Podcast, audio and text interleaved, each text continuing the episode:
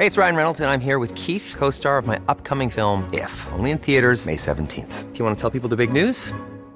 All right, I'll do it. Sign up now and you'll get unlimited for $15 a month in six months of Paramount Plus Essential Plan on us. Mintmobile.com slash switch. Upfront payment of $45 equivalent to $15 per month. Unlimited over 40 gigabytes per month. Face lower speeds. Videos at 480p. Active Mint customers by 531.24 get six months of Paramount Plus Essential Plan. Auto renews after six months. Offer ends May 31st, 2024. Separate Paramount Plus registration required. Terms and conditions apply if rated PG. Den där. Den här bruden som du håller på med. Eller nyss älskade. Prata inte för mycket nu. Det här är en podd. Ja. Kan vi klippa tillbaka? Ja, jag får klippa i början. Nöden har ingen lag. Välkomna till ett nytt avsnitt av podcasten Cyril och Stig. Cyril, det är jag Cyril Hellman. Stig är författaren Stig Larsson. Dagens gäst är Tone Schunnesson. Efter studier på Biskops Arnes författarskola debuterade Tone Schunnesson med dunder och brak i fjol med boken Tripprapporter. Idag läser hon filosofi på Södertörns högskola. Välkommen säger vi till Tone Schunnesson. Ja, blev det rätt nu? Sjunnesson. Sjunnesson, men jag tror det är Ja, dialektalt. vi sitter hemma hos mig på Kungsholmen här.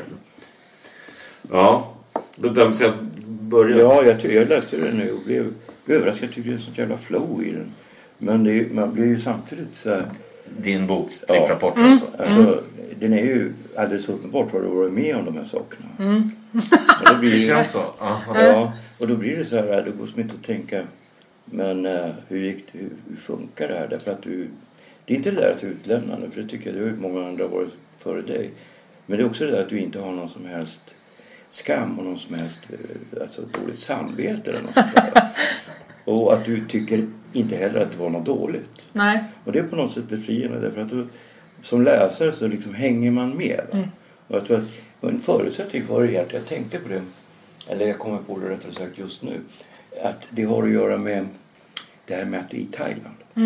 Och då blir det väldigt varmt och när det är varmt framförallt på kvällen på alltså luften har samma temperatur som blodet va? så blir man väldigt loj och flyter med va? på något sätt. Och jag på något sätt kom in i det tillståndet när jag läste boken. Ja, jag läste någon gång att eh, när jag var, jag var i Barcelona, och, eh, eller jag har varit i Barcelona ganska mycket och då läste jag att Barcelona är ingen stad för romaner för det är så varmt. Så man kan inte uppehålla det, Mm. det engagemanget som romanen kräver utan man, man måste skriva dikter. Det är, lite så, det är lite samma sak med, jag vet inte om det är sant men det var Det Ja. kanske stämmer. Men jag, tänkte, jag reflekterade att alla tre städerna som figurerar i boken börjar på B. Berlin, Bangkok, Barcelona. Just det, det Ja, kanske det kan vara inte- något. tänkte Nej, inte det har jag heller tänkt på. Nej, men, så, nej, men jag kände också igen, alltså jag har ju skrivit en bok som heter Mitt mörka hjärta som, som där, där min karaktär, eller man ska säga, jag själv i den boken, är så här sönderfall. Så jag kunde känna igen mig, även om vi skriver olika, lite det här med Asien. Det är lite så här bisarrt Asien på något sätt. Du råkar inte ut för de här prostituerade och sånt som man liksom översköljer en på samma sätt kanske. Men som den där, det satt någon asiat och runka i träd och, och liksom. Mm, jag, jag tror att jag tänkte mycket på att eh, ja, men vaknar särskilt, särskilt i min eh, generation liksom, så har Thailand Mm. varit som en sån escape. Alltså efter, om ni kommer ihåg den här filmen och boken från början The Beach med Ja, Leonardo visst, ja. DiCaprio. Ja, Ja, men mm. han åker till, till Bangkok och letar efter någon sån här magisk strand där det liksom precis. bor någon sekt nästan. Så Thailand har liksom varit en sån oas. Också för att det är som att man kan åka dit och ha råd att vara där. Så att det liksom är det nya, att bli sånt annat, något sånt annat europeiskt centrum. Liksom. Eh, ja men det själv, ja. Ska jag svara på det du sa? Nej, det var ju ingen fråga. Nej, du nej, kan ju bara kommentera. Ja. Alltså vi har liksom, idén med den här podden är att det är liksom, vi försöker få diskussioner, Mm. samtal, samtal att uppstå. Och idén är att någon kanske kommer på någonting just nu. Mm. Någon annan fyller, fyller i på grund av det som den har sagt och så. Mm. Du fattar? Men det är kul att du säger med ingen, ingen skam och för, alltså huruvida det är fiktion eller upplevt liksom. Så tror jag att jag ville gå till en, ett ställe i mig själv som var liksom helt utan skam. Och där man verkligen var övertygad om att det var ett rätt val av livet. Och det känner jag kanske mer fiktion än något annat. Ja, jag, jag kände så här, är hon verkligen så här, för vissa grejer var, det var ju rent, det är så här rent antisocial störningsgrej det där Mm. att, att och parasitera på andra, att man bara lånar pengar, lånar pengar. Men, men jag tror också att det är någonting som depressionens tillstånd. Ja, man, kan kanske- ju, man kan ju bli väldigt... Eh, Jag måste stänga. ja, såklart. Stäng av, sätt din telefon på ljudlös. Ljudlös. Så. Nej men det, det finns ju någonting, det finns ju ett eh, depressionens tillstånd och, och kanske också liksom alkoholistens kan ju vara det väldigt eh, men man, är, man tycker man är så självgod i sin sorg på något sätt. Ja. Ehm, och då tyckte jag det skulle vara intressant att, få- att liksom få stanna kvar i den istället för att tänka att det är symptom på sjukdom eller Ja. missbruk eller liksom. Ja. Utan bara tycka att det är liksom att det är ett sätt att leva istället. Ja, men alltså det jag tänker på, jag är ju äldre än vad du är och jag tänker då på, det har ju hänt en del saker då alltså från 80-talet till nu va. Och jag tror att det, alltså man tittar på unga människor idag har en mer säga, avspänt förhållande till både sex och droger. va. Och som kan ju vara skrämmande då för mig som jag läser det. För jag tycker, men herregud, fattar du inte att det här är farligt också? det, det blir lite konstigt för mig att läsa det. För att jag, jag, jag tycker det är intressant att se vad som händer idag. Va? Samtidigt om jag hade ett barn. För att jag tycker det lyser igenom på något sätt att du har en ganska bra förhållande till dina föräldrar. Engagerad i Ja. alla fall relation. Jo. Och, eh, och då verkar det också så här att du är liksom ingen sån här tjej som har blivit white trash på grund av sorglig bakgrund. Va? Eh, och det, gör, det är på något sätt också skönt att se att det är på det sättet. Därför att det finns en, nästan en, en, jag vet inte om det är en myt, men en sorts bild som finns att det, det ska alltid vara någonting sorgligt med det. va? Det ska alltid finnas någon, något som man kan skylla på. Va? Och då blir, det, då blir det som är grejen. Och när man, när man tar bort det så blir det mycket naknare. Ja men jag tyckte jag är så trött på det liksom att psykologisera, alltså på- ett sätt liksom söka förklaring till dåligt beteende. Eller jag kände att jag var ointresserad av det som grepp på något sätt. Och jag tänker framförallt eh, mycket kvinnliga karaktärer som, som liksom ska uppföra sig alltså normbrytande eller dåligt eller liksom destruktivt så ska man söka liksom trasigheten i henne på något sätt liksom. Men istället tänkte jag att jag verkligen ville göra som en, ja, men som en antihjälte. Ja, men precis, för du har gjort, för, jag, du har gjort en, alltså den är genomtänkt gjord. För, för jag, tänkte, jag tänkte först när, när jag började läsa att, att ja, hon kanske är, om det är självupplevt rakt av, att oh, oh shit då kanske hon var ett så här one hit wonder. Då blir det svårt att överträffa. Men sen såg jag att du har gått Biskops Arne och jag läste den där texten som du hade gjort till Julia Perones bild som var om maneten och helt på mycket mer abstrakt nivå än vad jag själv skulle kunna skriva. Så det känns ju som att det är genomtänkt att du är skolad redan trots att du var så Ja, men ung. jag hoppas det. Jag har skrivit mycket och jag har ju läst mycket. Jag har ju mina litterära hjältar och många av dem håller ju på med stream of consciousness. Ja. Så det är ju det, det är ju den formen jag vill arbeta med och utveckla liksom. Jag tänkte på det för André Tishis bok Eländet kom precis, alltså sam, samtidigt som tripprapporten. Har ni läst den? Nej, jag har hört talas om den. Jag, vet, jag läste det, han är bara, hans karaktär är bara ute och går i håll. Äh, Eländet. Men vad hette André Tishi. André Tischer, han kom ut med en ny bok. Ja, han kom för ett år sedan. Men jag tror den heter Nej, Eländet. den heter inte Eländet. Nej. Eh, Jag har ju recenserat den. Vad heter den? Nej, vad heter den nu? Den heter Nej, inte spelar Eländet. roll. Du vet Nej, men alltså, jag- jag vet precis vilken bok det är. Jag, tyck- jag tyckte den var väldigt Jag intressant. tyckte den var fantastisk Ja. och när jag läste den boken så var jag så vad fan det här är tripprapporter fast bra. Ja, jo men alltså det... Alltså det, jag hade, för att han också liksom, vå- han, han har större, såklart det här är min debut, han har ett större självförtroende som författare. Så han kan gå mycket längre in i de liksom rörelserna ut och in på något sätt. Och det var ju det jag var, så att liksom självupplevt att det blir så det är inte så att det bara är är självupplevt men jag var också intresserad av att typ sträcka texten så långt att typ var går gränsen för litteratur och bara berättelse eller vad liksom. Jag är också Ja, intresserad av det jaget på något sätt. Ja, men man kommer ju till en punkt, så var det med mig, med mitt mörka hjärta, där jag blev tvungen att forma en missbrukare som var värre än vad jag själv levde på något sätt. Att Ja, såklart. Forma en karaktär av mitt eget, utav jaget. Nej, jag har ju då undvikit att skriva alltså ända fram till 1995. Det låter ju förfärligt länge sedan nu. Det var ju 22 år sedan. Så, så skrev jag aldrig om någonting som jag mindes. Alltså jag hade det som idé helt enkelt att jag inte ville av tre skäl. Jag tyckte dels att, att då skulle jag lämna ut folk runt omkring och det skulle påverka mitt liv på ett negativt sätt. Och dels så tyckte jag att jag fick inte till det. Det blev ingen bra energi i det. För att det hade ju redan gjorts. Och jag hade kanske berättat det som en story. Och då var den här storyn jag berättade var ju bättre då än det jag skrev. Jag kände det så. Och sen var det den tredje grejen var att, eh, att jag tyckte att eh, det är, jag gillar att berätta historier men det är en sak att ha skrivit ner det. Och folk har läst det. Det är en sak att de säger "Jo, det har du redan berättat för mig. Det, det kan jag ta. Men att, nej, det där har jag ju läst. det blir så Ja, enormt nej, nej, pinsamt. precis. Nej, men jag tror inte jag har förhållit mig till liksom eller jag har så svårt själv att se, alltså ibland när folk frågar mig till exempel, eh, jaget i boken, håller på med så här sälja cybersex, vilket jag aldrig har gjort liksom. Och så nu har det gått upp Det för mig. passade i storyn. Ja men det var också, det kändes som att det skulle ingå i hennes ekonomi på något sätt. Och nu har det gått upp för mig att jag träffar folk som är så. Den, jag bara, nej, alltså. Det är många saker, för att jag har ju en helt annan Ja men precis, för att folk läser det som jag och nu är det som att folk går runt och bara Du duschar aldrig och du runkar i webcam bara. Det är inte det jag gör liksom. Men är också intresserad av att gå till eh, Alltså det mest patetiska stället sig själv liksom. Alltså, Jo, men alltså det, det är ju alltid möjligt. Alltså hur, hur olika vi än är går det ju alltid att känna igen sig i, i, i den. Om det är bra beskrivet. Så så att även som kille kan du läsa en tjej och förstå. Så det är faktiskt jättemycket killar som har tagit den här boken till sitt hjärta och det trodde jag inte. Mycket män liksom, medelålders män faktiskt som har varit så här, det här är jag. Jo men den är jag, jag tycker också, den, den är skriven, jag kände igen mig själv i min egen bok fast den är mer, den, det kvinnliga är att den är mer poetisk Mm. tycker jag, med, med, med, i tonen. Men det är just den här liksom köra tills det, det, man stupar, köra rakt av och det, det är lite manligt tror jag. Och det här lite antisociala. Ja, jag tror att det är någonting som kvinnor egentligen har börjat först på senare tid. Alltså man kan säga att Birgitta Stenberg beskriver det i sina, någon av hennes 60-talsböcker. Jag minns att jag läste den. Och det håller jag på fortfarande med att ta droger. Va? Det här var någon gång på 90-talet tror jag läste den. Och jag blev så skrämd när jag läste den. För det var så, det var så hemskt. Och de var ju paranoida, men de var ju paranoida av god anledning. För att om de tänker att det finns liksom åtta knarkare i Stockholm. Och så, är det åtta narkotikapoliser. Ja, så har de ju goda skäl att De tro har att de, är, att de har, att de har span på sig. Jag tänkte på det, jag läste Kärlek i Europa först förra sommaren. Jag har inte läst den tidigare.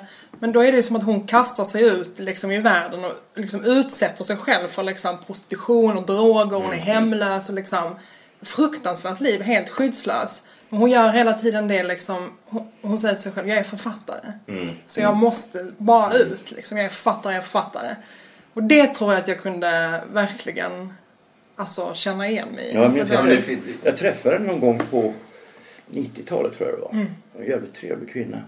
Vi kom väldigt bra överens. Alltså, hon berättade för att, eh, jag tycker att hon är bra, den här Birgitta Stenberg. Och, eh, men jag tyckte att det var så obehagligt att läsa det där med droger.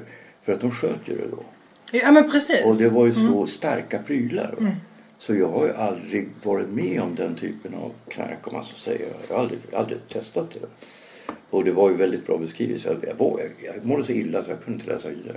Liknande förhållningssätt på kvinnan. Det är, men det är en annan genre. Men det är inte litteratur. Men, men det är Marianne Faithfull som också har skrivit väldigt bra memoarer. Hon hade ju Trots att hon var den här vackra skönheten och sådär liksom och från en adelsfamilj och sådär hade hon att hon beundrade William Burroughs och dem så mycket. Så det var hennes mål att bli en street junkie liksom. Och hon nådde det liksom. Ja men det kan jag känna igen mig för jag vet att jag började läsa liksom Burroughs och, och Kerouac och Mina Loy och liksom beatnikförfattarna när jag var, gick mellanstadiet redan och jag hittade så här i skolbiblioteket. Och satt jag där och läste och så var jag sån jävla tönt. Liksom spela saxofon på helgerna. och så var jag bara, fan det är det.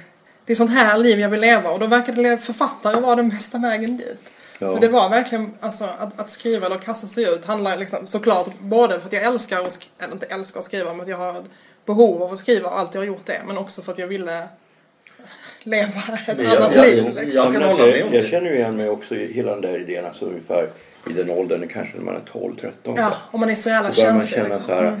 Nej, nu måste jag verkligen, för jag hade ju kolossalt bra självförtroende. Mm. Och då tänkte jag, nej nu måste jag försöka göra någonting åt den person jag har. Exakt. För om jag är en sån här typ av människa, för jag är väldigt duktig i skolan. Va? Då kommer jag ju inte få några brudar. Det blir, det blir ett jättetråkigt liv. Jag hade ju ett helt liv framför mig. Och då tänkte jag, hur fan ska jag nu göra? Och, och då så skisserade jag, hur, jag skissade då hur jag skulle göra. Eh, För jag, jag var ju då på den tiden stalinist och han hade ju femårsplanen för, för Sovjets eh, stålindustri och sånt där. Och jag tänkte om Stalin kan fixa stålindustrin På måste jag väl ändå kunna fixa jag- min personlighet. Då måste jag kunna fixa en brud. Ja, men jag, nej, men jag, hade, jag hade också det där. Och jag pratade med Olle Ljungström om det. Att det, var- liksom, det var ju ett sätt att, att kunna för, förlänga sin tonår och få leva ett ansvarslöst levande. Och för mig var, Olle gjorde, lyckades ju göra bra texter och sådär. Men för mig var rockstjärna kändes lite för puckat att hålla på med det. Och att man blir lite för patetisk när man blir gammal. Det är bättre att skriva. Ja, men jag har ju testat att Det kan man läsa hålla på med rockband och jag måste säga det, det är någonting man har missat. Man skulle ha gjort tidigare. Nej men jag tror att jag, jag märkte liksom att jag skriva kunde jag. Och jag var liksom, så, så det var min väg. Mm. Till något annat. Men, du, du, har- men saxofon är ju coolt på en kvinna. Men, men du... du Men det är inte, inte när man är 11, det är inte coolt. Alltså det är, då hade jag sett, när jag sett någon dokumentär om, vad heter den här berömda saxofonisten? Hon som... Nej, en amerikan, en svart man. Ah, Sonny Rollins typ eller? och uh, Col- eh, Coltrane. Ja, ja, ja. Och så var det så, ja, det vill jag bli. så var det saxofonen. Ja, Liksom. han var också en, en modell för mig. Jag spelade också saxofon. Är det sant? Ja, när jag var ungefär 15. Ja, ja, precis. Ja, jag höll bara på en termin. Ja, jag höll inte på så länge heller. Nu hade jag Charles Mingus bas. Men jag blev förvånad över, jag tänkte inte alls på alltså nu heter den ju tripprapporter för att jag har hållit på att jobba med den under den titeln. Alltså under flera år innan den här boken liksom. Med olika collage och projekt och. Men egentligen tror jag att jag, alkohol var liksom för mig handlar egentligen boken mer om alkohol än om droger. Det var mycket droger, en del jag inte kände igen. Cho eller cha eller vad det kallas. Cho, det är ett smeknamn för Chuck. Chuck, Ja, det var det som det. Stig listade ut åt mig. Det listar nu. Ja men, nej men så att jag tror, jag tror också att jag tänker på, alltså när jag själv, nu, nu har jag liksom, har jag inte, tar jag nästan inga droger längre, men att, att egentligen är alkoholen det som förekommer allt droganvändande. Ehm, och jag tror också att det är en bok som jag tänkte att jag skrev i att vara, alltså om, om typ bakfull har en politik. Jo, så är det det. som den, den bakfullas politik. Men jag, läser ju något sånt av, av Andres Lokko. Eller Jag kopplar det så för han skriver om hissmusik fast bra. Det är den här tjejen, vad hette hon nu? Ja, i, som jag så Ja. kallade det hissmusik. Nej, nej, jag tror det var Med han. Del Rey. Ja, just det. Vad Men fan det tycker du det är? det- Hissmusik? Jag tycker det är lite åt Nej, musakhållet. men jag, jag, jag, jag, tyckte att det lät... Inte som Nora Jones, men... men Nej, men han spelade på sitt sommarprogram några låtar. Jag kan ingenting om modern musik. Nej. Jag vet ingenting. Va? Och då tyckte jag en del av det var jävligt bra. Och det var så här flummigt. Det var liksom lite grann som hissmusik fast bra. eh, för det var så här low, low, low. Och ibland när jag går, framförallt när jag går på vissa sushi-ställen. Där spelar de väldigt bra musik. Och där spelar de, tror jag, den typen av musik. Jag vet inte ens vad det heter och vad det är för band. Nej men det är, det är liksom där på Roppongi och Allt på Tokyo asiatiskt är ju det här det är sentimentala. Det, Nej, det nej, nej, nej, nej. De spelar liksom en sorts... eh, En sorts Lite så loungeig. eh, Ja, en sorts house fast eh, alltså en technomusik. Som är samtidigt med, med vokalt och så. Okej, ja. Jag ska tänka på det nästa gång jag äter sushi. Ja, men ta, ta till exempel Roppongi på Hantverkargatan och eh, Tokyo Dinner på, i Hötorget. Mm. Ja, jag gillar East. Jag var där igår. På, och- på deras release för deras kokbok. Min kompis skrev den. Fan vad folk skriver kokböcker. Jag tycker det känns som så Släpps jävla en kok, ja. Sverige är värst i världen. Vad är det en som kokbok per år. pågår? Jag förstår inte. Det är helt... En kokbok. Nej, om dagen. Om dagen. Om dagen. I Sverige, ja. Jag funderar själv på att göra en faktiskt. Kokbok för lata män. Alla rätter ska ta en kvart. Eller någonting. Ja, men det kan du nog få pengar för. Det tror jag. Ja. Nej men vad var det jag skulle säga? Det var mycket nya droger för mig också. Ketamin, det har jag aldrig provat. Vad, vad, vad, vad hände på den drogen? Eh, domnar ja men tar man för mycket ketamin så händer ju ingenting alls. För då är Man bara dom- kroppen... Nej men man liksom kvar i medvetandet med kroppen. eh, Usch, det låter inget roligt. Ja, jo. Som tramadol det- eller någonting. Ja, den kan vara så bra, ta- bra att tänka på liksom. Eh, och framförallt så har de ju forskat mycket på det som antidepressiva. Jaha, det något. så det... Ja, men jag, jag läste om det där ketamin, jag tror att det hette ketamin, i en artikel som var jättekonstig. Eh, 1975 i ett nummer av, nu ska vi se, det var nummer av, av, av Penthouse. Och jag minns att den där numret av Penthouse hade jag då i bokhyllan. Och sen upptäckte jag en Du lät kommande- Penthouse. Playboy är lite mer stil på en. Ja, men det här var ju en artikel som jag tyckte var intressant. Okej. Och jag använde inte alls den för att liksom eh, runka till bilder. För Nej, det gjorde nej. jag inte på den Nej. tiden. Absolut inte. Men, men just den där artikeln, The Future of Sex. Och det tyckte jag, det måste jag ju se vad det är för någonting. I framtiden. Och så beskriver den 2000-talet och beskriver internet. Och beskriver vissa grejer som ju man rimligen inte kunde veta skulle hända då. Och det är liksom så här kusligt och det tar de upp också att man använder ketamin eller ketagon, nej ketamin heter det, tillsammans med att man kollade på pornografi på, Jaha. på alltså inte hette inte internet utan på datorer.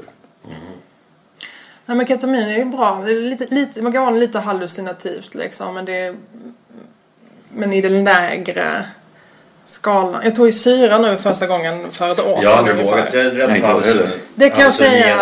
Jag Det, kommer, det, var, det var en stor och verkligen viktig upplevelse. Jaså? Ja, För vissa människor har öppnat nya världar. Ja, alltså det var helt... konst och sånt, eh, typ. Ja, nej, men det var helt otroligt. Jag läste Heidegger ett år och fattade inte ett skit. Efter den trippen fattade allt jag behövde fatta. Oj. Ja, men det var verkligen. Och sen så åkte jag i, i januari så åkte jag på så här ayahuasca-läger. Mm. Jag har många polare som är gamla bankrånare som håller på med Ja, ja, ja. Nej, men det var helt... Men det var så jävla mörkt. Då är det så här, den är ju så här mega så här DMT liksom som är ett så här mm, coyote, en kaktus som man blandar och så dricker man. Och så Ja, det trippar- där, ja, det där, ja. Ja, precis. Och så trippar man typ i 12 timmar. Och då hade jag velat göra det i flera år. Och så fick jag ettårsstipendium från Författarfonden. Så då hade jag råd att åka till Holland på sånt här läger. Då skulle man vara där tre dagar och så skulle man trippa på fredagen och så skulle man trippa på lördagen. Men först var det man skulle dansa, öppna sitt hjärta från varandra. Det var mycket feminina och maskulina energier. Men det som liksom gick upp för mig när jag var det att de människorna som var där, de var ju inte intresserade, alltså som jag tänkte att jag mer var intresserad av, alltså liksom en upplevelse eller utan det var ju människor som verkligen behövde hjälp. Alltså det var ju människor som hade förlorat sin make eller varit depressi- depressiva liksom flera år eller hade så mycket ångest att de inte kunde gå ut eller du vet, missbruk, tunga missbrukare. Så det kändes som en sån det blev, det blev som en sån nyliberal apokalyps typ. Och så hade de kommit ut där Det utanför var ju, hamn. låter ju väldigt otäckt. Ja men det var det faktiskt. Och sen, du vet, jag, jag var där första dagen och sen dagen efter bara drog jag hem. För att Alltså. de här bankrånarna jag känner som håller på med det där, det- eller före detta bankrånare, då, de, de är ju som de har sett ljuset. Men så var det. Men, du vet, vi, vi gick in i det här rummet, man trippar som fan i 12 timmar och sen går man ut liksom Men och spydde käkar. man inte? Det är det jag, det, Jag de vill spydde- ha med mig på det där men jag, jag är så rädd. Jag hatar att kräkas. Nej, det var, för man låg liksom i ett stort rum. Folk spydde så att de skrek. Ja, nej, och du vet, nej. grät och det, det var helt, klädde av sig kläderna och bara... ja, Det var helt fruktansvärt. Och jag liksom kom inte igång i min tripp riktigt så jag såg ju allt det här. och sen så, så jag bara, jag bara, fan jag måste hem. Du vet, så är man två timmar utanför Amsterdam i någon jävla skog. Så jag måste röka nu. Ja, och, sen, och, sen, och sen dagen, och sen precis när vi kom ut så kom det fram en svensk kille till mig som heter Björn. Han har varit sjukskriven för depression i tre år, han var i min ålder. Och sen så sa han, ja, nu, nu känner jag att ångesten är över. Jag är en helt ny person. Och jag bara, vad fan det har gått fem minuter. Du kan, hur kan du veta det? Han bara, nej men jag bara, jag bara vet det. Och då, jag tyckte det var så jävla sorgligt alltså. Och så var jag så, men har du tagit några droger förut? Nej aldrig, men jag såg syner. Man, det, är det, det är det som är själva drogen. Men, men vad hände alltså, efter du hade kräkts? För om man till exempel, Ja, om, man, om, man kräks inte, inte. om man inte till exempel heroinist och tar heroin som eh, det hände mig. Då kräktes man bara men sen kommer det åtminstone en skön känsla efter. Men var det samma? Det var inget sånt här? Jo men alltså det går inte att Eller förklara. innan alltså, det är du som en, man kräks och, och sen, men sen så är det, det är som en, man har ju jätte, jättestarka hallucinationer. Mm. Så det är, som en, det är inte som att man kräks och så avbryts trippen av det. Utan man är Ja, jag också. Ja, jag är för mycket kontrollmänniska. Ja, Ja jag. men det var otroligt. Jag, jag såg, eh, jag flöt mig längs med en flod och så var jag död. Mitt ego dog. Och så stod folk vid sidan och applåderade och sa det var ett bra liv. Det- var otroligt. jag blir rädd bara jag hör Ja det men där. det var helt otroligt. Men det räckte med en dag, det gjorde det. Och sen så de som har det är ju såna jävla, alltså conmän. Alltså skojare faktiskt. Klädda i vitt liksom. Ja, det är som precis. De åker från Sydamerika över och ska ha så Ja, här och så, djur de och, och sånt. pendlar mellan Bali och Chicago. Och de har jobbat med IT och sen kommer de fram till att livet är inte bara IT och nu har de, alltså det är liksom helt... eh, Jaha, okej. Ja. Det, jag, jag hoppar av det där. Jag också. Och, och en man, vi satt i en rund ring innan vi skulle börja trippa så skulle alla säga varför de var där. Så var det en man i, som måste ha varit liksom över 65 som, och så skulle man få en sten och när man höll i stenen så pratade han. Och så bara började han gråta så var han så här, "Ja, hela livet har jag väntat på att få träffa mig själv. Och det ska hända ikväll och så bara grät han. It's that time of the year. Your vacation is coming up. You can already hear the beach waves, feel the warm breeze, relax, and think about work. You really, really want it all to work out while you're away. Monday.com gives you and the team that peace of mind. When all work is on one platform and everyone's in sync, things just flow wherever you are. Tap the banner to go to Monday.com. Hey, it's Ryan Reynolds, and I'm here with Keith, co star of my upcoming film, If, only in theaters, May 17th. Do you want to tell people the big news? All right, I'll do it. Sign up now and you'll get unlimited for $15 a month in six months of Paramount Plus Essential Plan on us. Mintmobile.com slash switch. Upfront payment of $45 equivalent to $15 per month. Unlimited over 40 gigabytes per month. Face lower speeds. Videos at 480p. Active Mint customers by 531.24 get six months of Paramount Plus Essential Plan. Auto renews after six months. Offer ends May 31st, 2024. Separate Paramount Plus registration required. Terms and conditions apply if rated PG. Fruktansvärt. Det är något för dig Stig, där och. Nej men jag, är så, jag blir rädd bara jag hör det. Nej men jag har, jag har ju aldrig hållit på med... Ja, när jag var 15 så rökte jag ju då skelört som är jättefarligt. Vad är det? Det är, alltså det blir man alltså zombie av. Aha, Det okej. är det som de använder för att göra människor till zombiesar. Det är tetrodotoxin, Mm. världens tredje starkaste gift. Jävlar. Så det är 60 000 gånger så starkt som rent kokain. Men påminner lite grann om kokain. Ja. Eh, och det är, alltså, eh, alltså nackdelen med det hela är att man förlamar pannloben. Jävlar. Så att det visste inte jag om. Jag rökte bara tre blås. Så allting var ju liksom, det var som LSD men väldigt kort. En kvart, 20 minuter. Ja, men jag hade ju kraftiga hallisar så det var inte som hörs. Nej. Eh, Men vi tyckte det var jätte... Den, man är så ung och då tycker man åh det är som berg och dalbana. Det är som en, som en grej på tivoli. Va? Eh, och när du blir lite äldre så redan när du kanske är jag skulle säga 22, 23 så börjar du tycka det är läskigt med konstiga grejer. Va? Och det är ju då vissa droger som, inte alls, som du inte känner dig konstig av. Alltså, du upplever inte att oj, nu har jag tagit något som gör mig konstig. Nej, nej, Men bara du ser grejer då har du definitivt hamnat i den zonen. Då är det något annat. Ja, Jag minns ju första gången jag skulle röka hasch. Det var en sån tokig grej därför att jag minns det var hos några, eh, på, i ett studentområde i, Umeå. Jag gick i nian, jag var 15. Och eh, det var några som hade bjudit oss då. Jag satt in, i ett kök i en studentkorridor och kollade på en, en papperskorg. För jag tänkte nu ska det komma Alice. Och så satt jag där i, i så här lotusställning och tittade på en Koncentrerad. Ja, nu ska det komma här. Och så tittade jag tittade ju kors va, så den blev ljusblå och så försvann den. Och då tänkte jag, men vad är det här var verkligen dålig drog. Det ska, det ska inte försvinna. Det ska komma någonting. Jag kommer ihåg när jag tog ecstasy första gången. Det var, då gick jag förbi, då, gick, då var jag inne på en sån här raveklubb i New York. Och så satt folk och tittade på så här färger som, som, som pushades ut ur en tv, psykedeliska färger. Och jag bara sa till min polare, till mina polare vilka jävla idioter sitter och kollar på det här. Sen, så att, sen tog vi den där extasin som var i USA. Det var någon annan extasin här. Det var stor som en femkrona. Som, som vi delade på. Men ändå. Sen, och jag är ju inte den som brukar hålla på och dansa. Men först höll vi på att dansa typ i två timmar eller någonting. Sen efter det så gick vi in och kollade på den här filmen. Då satt vi sådär själva. Wow vad Jävlar ballt. vad det var. Och då insåg jag att den här, det, det var ju i och för sig så det var ju i och för sig en av de roligaste kvällarna jag haft men det där är inte bra för mig ändå att, det, det det, att göra om det där. Jag testade, bara, jag testade bara en gång. Lyckorecent- Och jag blev, jag blev jätterädd. Rädd? ja, Mm. Jag var ju då på Spybar av alla ställen. Ja, en hade inte jag som- velat ta Och sen började det hända grejer. Det började bli väldigt rött och färgerna intensifierades. Jag tänkte, fan jag är en offentlig person. Det här var väldigt länge sedan. Det här var- Jag måste gå hem, jag är en det här, offentlig person. men det här var ni- 97, 98. Mm. Eh, och, eh, och jag fick ju eh, panik. Nej, det var 96, 97 var. Och, eh, och tänkte så här, vad fan kan hända? Så jag försökte ta mig ut. Det var ju jättemycket folk. Mm. Till slut fick jag min jacka och sprang ner på gatan och tog en taxi hem tänkte, för- och gömde mig under täcket. Jag var så jävla rädd. Men jag förstår det, alltså just ecstasy och MDMA och sådär skulle jag, det känns som att Stockholm är helt fel stad för den drogen. För den, den Jag gör tänkte det dig kan inte vara mjuk. farligt. Jag har ändå hållit på med massa olika grejer och jag är så pass gammal. Jag är ju ganska van. Är det är New York-Berlin-drog?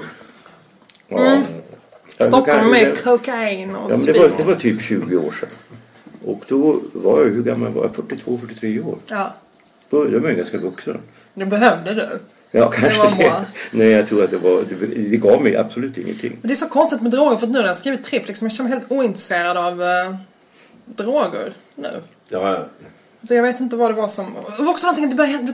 Boken kom, folk kommer fram till mig ute. Vill du ha, vill du ha? Det bara skulle kännas så jävla som en... Jag skulle känna som en, som en schablon. om hade du också så? jag För liksom... du var ju också ganska öppen med... med Jo, men det där gick jag ut med att jag hade, hade lagt av. Och då var det faktiskt ingen som kom med det. Det var ju supportive. Men innan?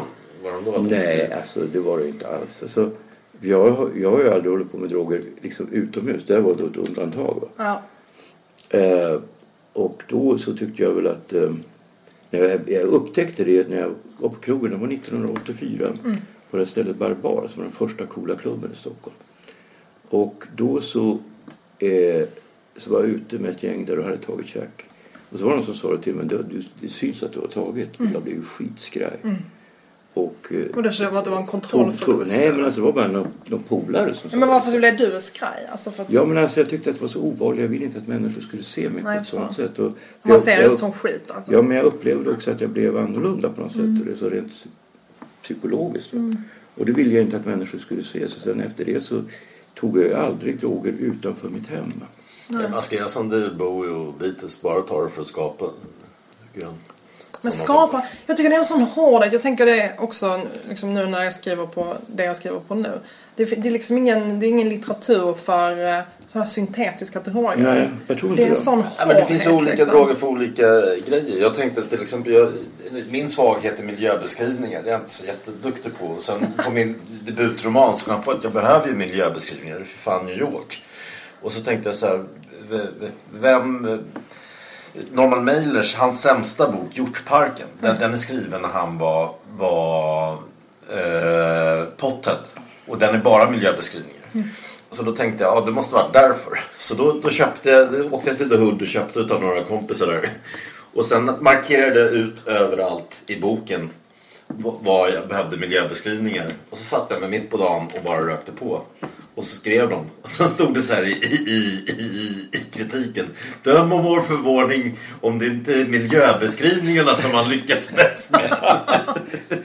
Ja, det här är ju dåligt. Det här är ju reklam för Ja. Det är inte ja, det är meningen. inte så bra. Nej, men jag, jag, jag tycker faktiskt att miljöbeskrivning och förflyttning är roman, alltså det är den romanens, det tråkigaste med romanen.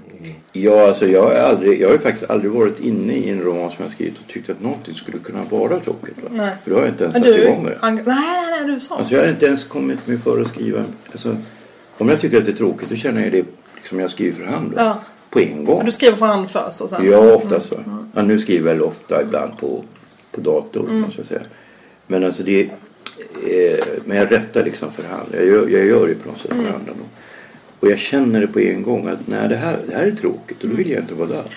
Fast men- du är samtidigt... Oj, Nej, nej, kör. Ja, men du är samtidigt ändå att du sitter och, och petar. Du kallar mig slarvig jämt. Och det är, jag, jag bara skyndar på jämt. Men du sitter ju och petar. Ja, jag vill att, jag vill att texten, ska vara, texten ska vara ren och snygg. Va? Och det ska inte vara något fel i den. Alltså inga grammatiska fel, inga stavfel och sådär. Och sen ska det liksom vara... Jag snackade med Claes Östergren, han var ju, är ju också hyper... Vi snackade då om att han, han har ju då använt skrivmaskin till, till nu. Va? Men både jag och han skriver ju om hela sidor. Alltså, det, det till, både han och jag tillåter två eller tre eh, små Tippex-grejer. Och det tog ju en enorm tid att skriva ut på maskin. Jag skrev ut 10 000 sidor på maskin. Jag skriver så långsamt. En sida tar 40 minuter. kan du bara räkna. Fast Glas gillar ju den där, du sa inte mig, den där fysiska. Att du sitter och svettas. Det är en speciell- det är en speciell Det är den grej. som Hemingway älskade också. Ja, men det är en speciell grej för det hörs också väldigt mycket. Det hörs på datorn med. Ja, Ja, jag det hamnar väldigt hårt. Ja, jävlar det gör det. Med naglarna. Men nu då, har du någon, har du en upp, förlaget måste vilja ha en uppföljare. Förlaget vill fan att jag ska skriva. De vill att jag ska skriva. Men eh, jag vet inte. Det kändes som att eh, det var så kul innan. Innan boken kom så oroade jag mig bara för vad mina föräldrar skulle säga. Så jag tänkte liksom inte på kritiken överhuvudtaget. Och sen så sa min förläggare, och det värsta som kan hända dig det är om det blir liksom en succé. Så t- tänk inte ens på det. och, så, och sen blev det det. Ja. Så, och, nu- och nu är det som att jag har känt mig helt förföljd. Alltså jag har nästan blivit förbannad när folk har läst och jag har bara känt mig liksom helt... Eh, om inte har med den där boken att göra. Men nu, har- nu har det gått liksom lite mer än ett år. Så nu börjar jag känna mig fri från den och då, då har jag börjat skriva ordentligt igen. Liksom. Men det har tagit tills nu faktiskt. Men ingen uppföljare, det blir det inte. Men precis, du, du kommer göra något annat eller? Jag skrev faktiskt en bok innan den här boken som jag skickade bara till min nuvarande förläggare. För att jag var intresserad av honom. Um, Vad är det för förläggare? Håkan Bravinger. Ja, jag känner honom. Ja, nej men precis. Jag tyckte han var så jävla... Ja, och jag hade träffat honom någon gång. Han var så jävla arrogant. Så var jag så, honom måste jag, honom måste jag ha som förläggare. Det är bra. Um, då skrev jag en bok han är innan. väldigt kunnig. Ja. Han är väldigt kunnig och han är engagerad läsare och, Och det känns också som han, är, han kan människor, eller han är bra liksom. Men då skrev jag en annan bok innan. Som jag började skriva om. Som de var såhär, ska du inte göra någonting med den nu? Men ni vet, alltså det, det, när något har legat för länge är det svårt att liksom känna mig engagerad igen. Alltså, rent kommersiellt ska, du ju, ska man ju göra som Sara Strisberg, typ plöja i samma fåra hela tiden. Ja. Jag tycker det är roligare att Jag tycker att det där är någonting grejer. man måste utgå ifrån sig hur man, hur man funkar som person. Ja. Jag kan ju så här i efterhand tycka att det hade varit kanske klokt att jag... Jag tyckte ju då efter autisterna ville jag ju skriva någonting som inte alls liknade autisterna. För jag upplevde då att jag skulle ha, ha liksom hamnat i ett hörn. Målat, målat in mig i ett hörn. Och sen få fortsätta göra likadana grejer hela livet. Det är ju inte roligt heller. Nej men alltså jag tror en stor tröst för mig det var för att eh, på våren, alltså förra våren då, våren 2016, så skrev jag en pjäs för Radioteatern. Och då hade jag hållit på med Tripp så jävla länge och då var det så skönt alltså så det, det känns lite som att jag nästan har redan har skrivit min andra bok. För att jag bara gick in i något helt annat och det var liksom helt en, den här 12-åringen som du pratar om som hunkar i trädet har eh, liksom huvudkaraktär i den pjäsen på något sätt. Jaha. Eller han är med i den pjäsen. Men har du själv upplevt? Det måste jag fråga. Ja, eh, med runka. Ja, ja, jo men det var, det var, det var självupplevt. Det var självupplevt, verkligen. Nej men det var, eh, då hade jag med den här 12-åringen. Fast i en helt annan setting. Som jag hade, vad fan heter hon, en fantastisk skådis. Som handlar om en kvinna i 65-årsåldern som har fått någon sån här paranoid psykos och gömmer sig i Malaysia. Ehm, och då var det så jävla skönt att bara få ur sig den itchen. Så det, jag tror det är det också som gör att jag har tagit lite... Och så vill jag ju skriva poesi. Jag, skri, jag vet inte, det, jag vet inte. Jag, jag gillade humorn också. Det var någon mening där som var när de skrev. Alltså där är det ju skild, Där märker man att det är en kvinna och inte en man som skriver. Att, att huvudpersonen hänger upp sig på en massa med snubbar. Mm. Jag kunde nästan irritera mig. Varför ska hon hänga upp sig på de här för? Liksom? Som det. också verkar idioter allihopa. Men, men, men, Ja. sen, men sen eh, när du skriver om den där om någon snubbe. Ja, han, han, dumpade mig för sin dumma dotter. Ja. Nej men jag tror att jag, jag tror jag tänkte också på det som, alltså varför hänga upp sig på snubbar tror jag att jag också tänkte mycket på heterosexualiteten som en ekonomi typ. Ja. Alltså det är också ett försörjningssätt för henne. Ja. Att, eh, att ha de här männen Men är det bara så? Alltså, du menar att den är hetero... jag, jag har ju då alltid upplevt någonting annat än heterosexualitet som rakt av konstigt. Ja ja, ekonomi är konstigt. Nej men jag menar sexuellt. Alltså själva sexualakten. Ja. Alltså, Ja. jag, Du menar att Ebba Witt-Bratt menar att du är kär i dina kompisar? Ja, alltså jag, jag, jag skulle, om jag skulle ha någon sorts läggning att jag var intresserad av killar, då skulle jag väl erkänna det. Ja, ja, ja, det vore konstigt om jag inte skulle göra det. Men jag har ju funderat och försökt, när jag var ung, när jag var 15-16, då försökte jag verkligen tänka. Det hade ju varit dubbelt så många som jag kunde intressera mig för. Mm. Men jag lyckades aldrig få erektion. va? Nej men jag tror också typ... Dubbel glädje. Ja, nej, men jag tänker... eh, Ja, vad fan är det? Varför är man så... Är hon... är- Jag tänker om jag själv är besatt. Alltså det, boken började ju, jag skrev en, auto, en novell som var auto... Vad heter det? Autofiktion. Exakt. Mm. För att jag var ju skitförälskad och så var jag så, så ville han inte ha mig. Så var jag så, nu ska jag göra det jag kan. Jag ska skriva en novell om honom i en tidskrift. Och så var han bara så, vad fan har du gjort? Varför gjorde du så här? Jag trodde att, för kvinnor, men gillar, jag gillar ju när folk skriver om mig. Så då trodde jag att han skulle gilla att jag skrev om honom, men det, det tyckte han inte alls om. Så det, det, det är kanske den också energin som är, är Jag liksom har i aldrig varit boken. ihop med en kvinnlig författare. Nej men alltså det finns ju också risken, jag vet ju, jag känner ju då kvinnliga författare som har skrivit om andra män. va? Och också skrivit deras namn. Och det blir ju, i, i praktiken blir det knepigt för dem efteråt. Ja, I Sverige. Va? ja. Alltså, i, Killar är ju lite, alltså man vet att en tjej har lämnat ut namn på killar som hon har legat med. Så är man lite försiktig om man ska ha sex med henne. Då vill, då vill, det, till väldigt mycket. Alltså. Men jag tror det stora sveket är väl inte att säga liksom jag har legat med honom och honom utan det är att säga, alltså jag tänker Nej, någonstans i att boken så det. skriver, ja precis, jag skriver någonstans i boken att hon skriver i sin dagbok om alla att eh, han är dum men ganska rolig. Ja, det, är- det, det är okej om man är bra men alltså om man är dålig i sängen, det är ju inte roligt att se. Ja, ja, nej. Men jag tänker att eh, jag var också, det kändes också som att jag mm, var så ointresserad av sex när jag skrev boken. Och jag tror det är det som också färgar av sig. Ja, det märker man Ja. på något sätt. Alltså. Att det är För liksom- det är med Ja, sex, hon det är är liksom... lite blasé. huvud- Ja, det känns, alltså hon känns överhuvudtaget väldigt blasé. eh, alltså det, det är på något sätt skrämmande när man går in i det. Just den där känslan av att man är så pass ung och sen är det liksom redan över. På något sätt, va? Man kan väl kanske tycka det att det är, Det är bra om man gjort det där kan man göra någonting annat. Exakt. Men, men, mm, Men där tycker jag fångar det bra. För också om du är en missbrukare så kom, då är sex sekundärt. Då är drogen går före. Liksom. Oftast om du, om du har gått så långt. Liksom. Ja, alltså jag kan inte riktigt svara på det. Men det är på ett sätt som man tittade på utifrån så är det väl så. Jo, men om du också kör så här neråt. Droger, Ja. opiater och tunga men jag tror också att jag känner liksom om, liksom, i mitt eget privata liv att jag känner mig liksom, har känt mig så otroligt otillfredsställd av män. Och inte bara sexuellt utan också eh, själsligt. Intellektuellt. Mm. Intellektuellt och emotionellt. Och, du vet, det är så jävla... Man, man frågar vad menar du med det? Men jag menar ingenting! Så vet, man får aldrig något svar på något. Eh, det, det får man få svar av. Och jag tror också att jag var i den känslan när jag skrev boken på något sätt. Nej men det finns ju, det finns ju alltså, om du har en relation, det, det, det är ju en annan sak om man bara är vänner. Mm. Så finns det ju, jag har ju haft många kvinnliga vänner så då upplever jag nog att men annars har man en relation så är man inte uppriktig riktigt på samma sätt. Nej, det går ju inte.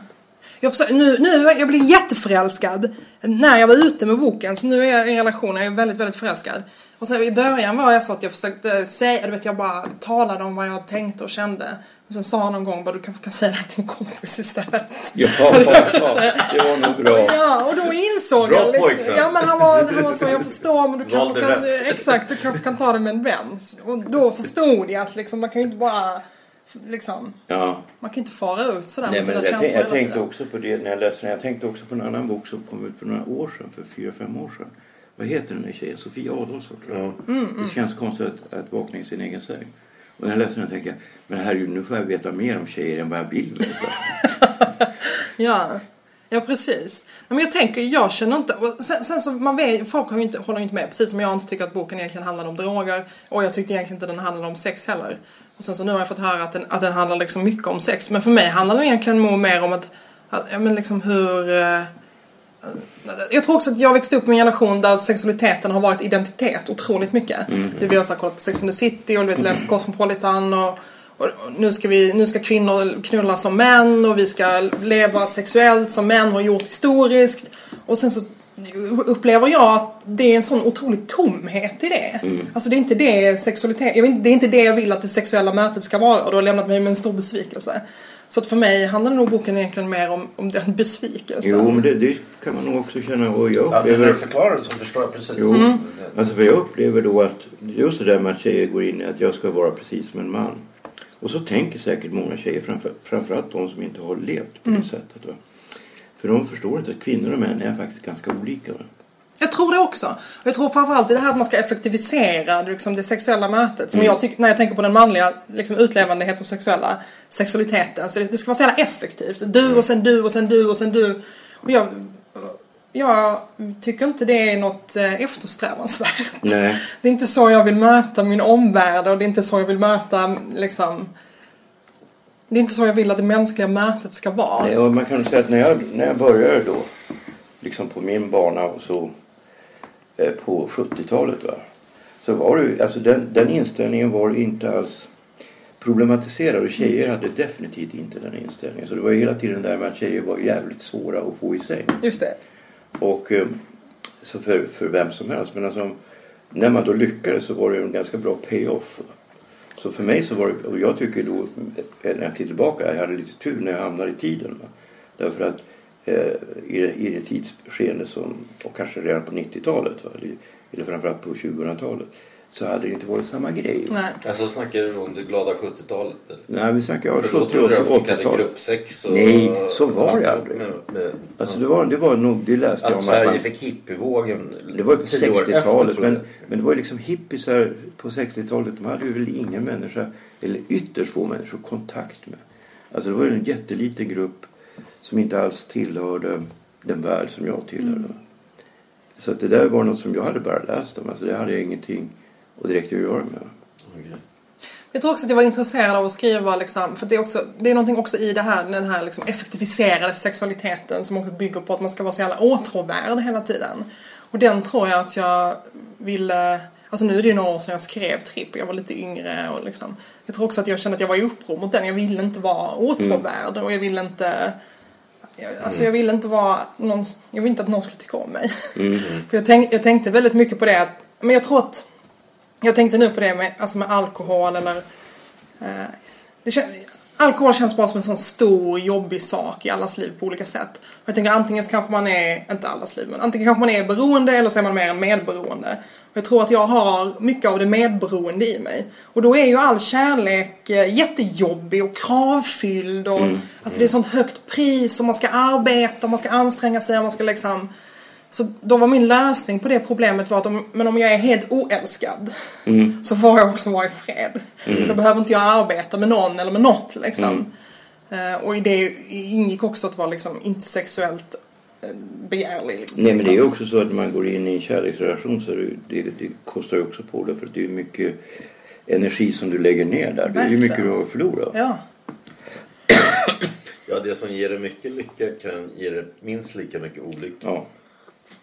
Och jag känner ju det, det enda jag tänker på nu är ju liksom mm, han som jag är förälskad i. Var är han? Vad gör han? Vad tänker han på? Undrar vad han har på sig. Alltså jag är liksom helt... Eh, Ja visst och, och det där är något som jag, jag menar att då den här skillnaden mellan killar och tjejer gör att när, när, jag, när jag tittar på unga killar, jag identifierar mig i första hand med killar, det går inte att göra någonting åt det. Så tycker jag ibland synd om dem och tänker att nej men för tjejerna idag har ju då eh, befinner sig i en annan position än vad som när, när jag var ung. Och jag kan ändå tycka när jag tänker tillbaka att ja men jag förtryckte nog tjejerna väldigt mycket. kommer en metoo-stig snart. Nej, men alltså inte, inte alls på det sättet. Jag var aldrig sexistisk eller något sånt där. Men däremot så förutsatte jag att de skulle acceptera mi, mina livsvillkor. Alltså när jag skrev, då skrev jag. Då fick inte de lyssna på musik. Eller se på TV. Jag Det var bodde i en- tradigt. Jag bodde i en liten etta. De fick ju liksom skriva då. Eller, eller, du får gå ut och gå en runda. ja, Ja, så, så har jag också varit. ja, Och och, likaså när de har på såna här liksom klagat på städning eller någonting. Ja, Ja, det får de men det är en världslig sak. Gör det själv. Liksom. ja, de får städa. Och, Vad fan, det är inte det. Man vill ju att någon ska komma in och göra något med en. Alltså det är ju helt men onödigt att sen gå i möte med någon. Alltså, jag, liksom... jag, alltså, då på den tiden så var det, det var ju ganska hemskt för under ett tag så tog jag inte ens, kunde inte tänka mig att ta en promenad med en tjej. Jag kunde bara tänka mig att ligga med henne egentligen. Ja, det, det fan vad tråkigt. Då hade jag gjort slut Stig. Det kan Det är, därför, det, det, det är därför du är ensam idag kanske. Ja, kanske det. Ja men precis, och jag tänker att det man vill är, eller det jag tänker med en relation det är att man, man, liksom, man måste ju slå sig i slang med någon som man tänker, ja men jag vill att du ska ställa till med en oreda i mitt liv. Alltså att man är redo för en, eh, att gå in i en relation är också att göra sig redo för men en alltid- stor alltid- Ja, förändring. det är lite att hoppa ut för ett Ja, men super. exakt. Ja, fast jag har alltid upplevt att om jag har den minsta liksom, misstanke att det skulle kunna gå fel här. Det är klart det Då blir jag för, då blir jag för rädd för att gå in i det. Ja, men du? Stig, det- vi vet att det går fel. Ja men det visste ju inte jag från början. Och jag minns också när jag då eh, jag träffade en tjej då i mitten av 80-talet. Och jag tänkte ju då att vi skulle vara tillsammans hela livet. Och det visade sig att, att av hon och hennes kompisar fanns det ingen som hade föräldrar som var tillsammans. Nej, såklart. Och hon bodde ju här i Stockholm. Och när jag tittar på mina föräldrar och deras vänner och, och mina kompisars vänner. Mina kompisars föräldrar. Så var det ingen som var skild. Är Alla från du och från Okej. landet. Ja, från Umeå. Eller Skellefteå. Mm. Och eh, de skildes helt enkelt. Och de, jag menar, de träffade någon när de var ganska unga. Sen var de tillsammans med en person hela livet. Jag tror att jag har närmat mig förälskelsen som Birgitta Stenberg närmade sig prostitution och droger. Ja. Att när jag liksom i våras var helt skräckslagen inför det här som du säger att liksom vad fan, vad som helst kan hända. Så bara jag upprepar, det är det här som är, det är det här det är att leva. Det är det här det är att leva. Jag försökte Jo, men bara alltså, liksom... är man förälskad och är inne i en förälskelse är ju det fantastiskt. Ja men då får man ju också säga att den, ja men fan det skiter sig men det är väl också det som är, det måste tänka att det men ingår går i den inte- det går mänskliga inte- det går inte- När erfarenheten. träffade du i våras? Nej vi träffades i december. Ja, ja, då, ja, åt- efter åtta månader brukar man landa. Ja men kanske. Jag vet inte. Så, jag är så, vi är två mycket hysteriska personer som har funnit varandra sätt. Ja, men det är ju roligt. Mm. Skål för det. Skål. Ska vi avsluta där? Ja, jag avslutar. Mm. Skål. Skål. Ni har lyssnat på podcasten Cyril och Stig. Vi hoppas ni gillar det ni har hört och går in på acast.com och prenumererar och delar på Facebook och Twitter till era vänner. Hej, det är Paige DeSorbo från Giggly Squad. High quality fashion without the price tag. Say hello to Quince. I'm snagging high-end essentials like cozy cashmere sweaters, sleek leather jackets, fine jewelry, and so much more. With Quince being 50 to 80% less than similar brands. And they partner with factories that prioritize safe, ethical, and responsible manufacturing. I love that. Luxury quality within reach. Go to quince.com slash style to get free shipping and 365 day returns on your next order. Quince.com slash style. This is the story of the one. As head of maintenance at a concert hall, he knows the show must always go on. That's why he works behind the scenes, ensuring every light is working, the HVAC is humming, and his facility shines. With Granger's supplies and solutions for every challenge he faces, plus 24 7 customer support, his venue never misses a beat. Call quickgranger.com or just stop by. Granger, for the ones who get it done.